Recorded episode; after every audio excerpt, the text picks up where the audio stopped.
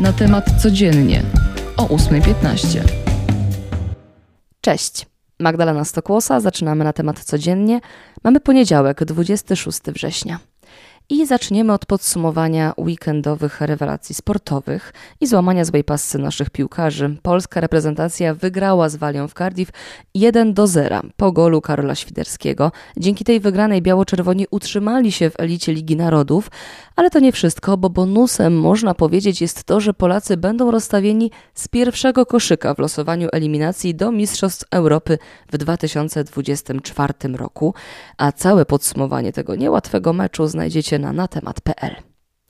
Włosi zdecydowali, wczoraj odbyły się tam wybory parlamentarne. Bez większego zaskoczenia wygrała skrajna prawica jej liderka Giorgia Meloni z braci Włochów, która zmiażdżyła konkurencję wynikiem około 40% wszystkich głosów.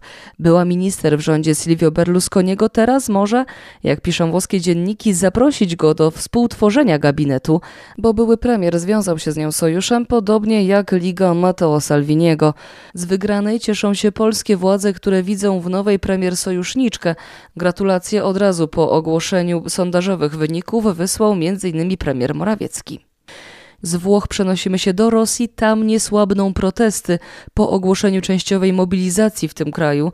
W dużych miastach odbywają się demonstracje, jak w Moskwie czy Sankt Petersburgu. Palone są też budynki m.in. komisji poborowych. Według doniesień zatrzymano już około 2000 osób. Na granicach ustawiają się gigantyczne kolejki chcących uciec z Rosji. Tak jest na przejściach m.in. z Kazachstanem, Mongolią, Armenią, Gruzją czy z Finlandią. Co z zapowiedzi? Dziś mamy poznać plan sprowadzenia do Polski szczątków trzech prezydentów na uchodźstwie pochowanych w Wielkiej Brytanii. Zostanie on przedstawiony podczas konferencji prasowej na Zamku Królewskim. Poznamy też projekt kampanii edukacyjnej oraz pomysł utworzenia mauzoleum prezydentów RP na uchodźstwie oraz Izby Pamięci. Ta ma powstać w świątyni Opatrzności Bożej w Warszawie. Jak jesteśmy przy byłych prezydentach, to Lech Wałęsa ma dziś w Berlinie otrzymać złoty medal w uznaniu zasług na rzecz pojednania i porozumienia między narodami. Wyróżnienie to przyznaje Unia Seniorów CDU, która działa na rzecz starszych pokoleń. Teraz niepokojące jednak dane Państwowej Agencji Rozwiązywania Problemów Alkoholowych. Jak się okazuje, w ubiegłym roku Polacy wydali rekordową kwotę na alkohol. To 45 miliardów złotych, o 9,6% więcej w porównaniu z 2020 rokiem. Ostatni tak duży przyrost sprzedaży miał miejsce 8 lat temu.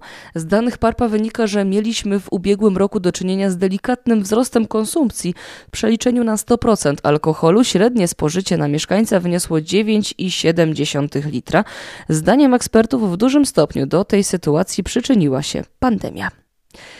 Teraz świat seriali, bo Netflix zaprezentował nam swoje zapowiedzi. To Doom 2022, dwugodzinne show prezentujące dziesiątki nowych produkcji, zwiastunów, zdjęć z planów i wiele smaczków.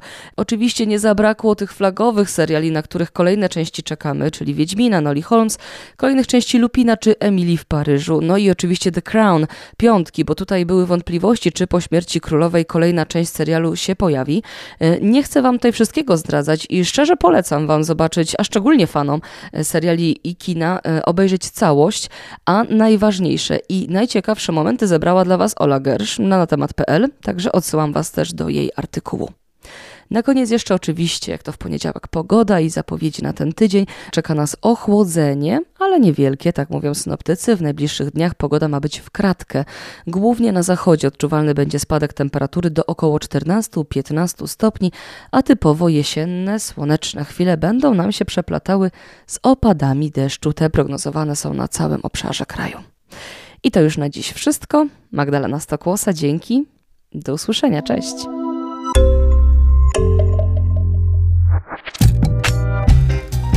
Na temat codziennie o 8.15.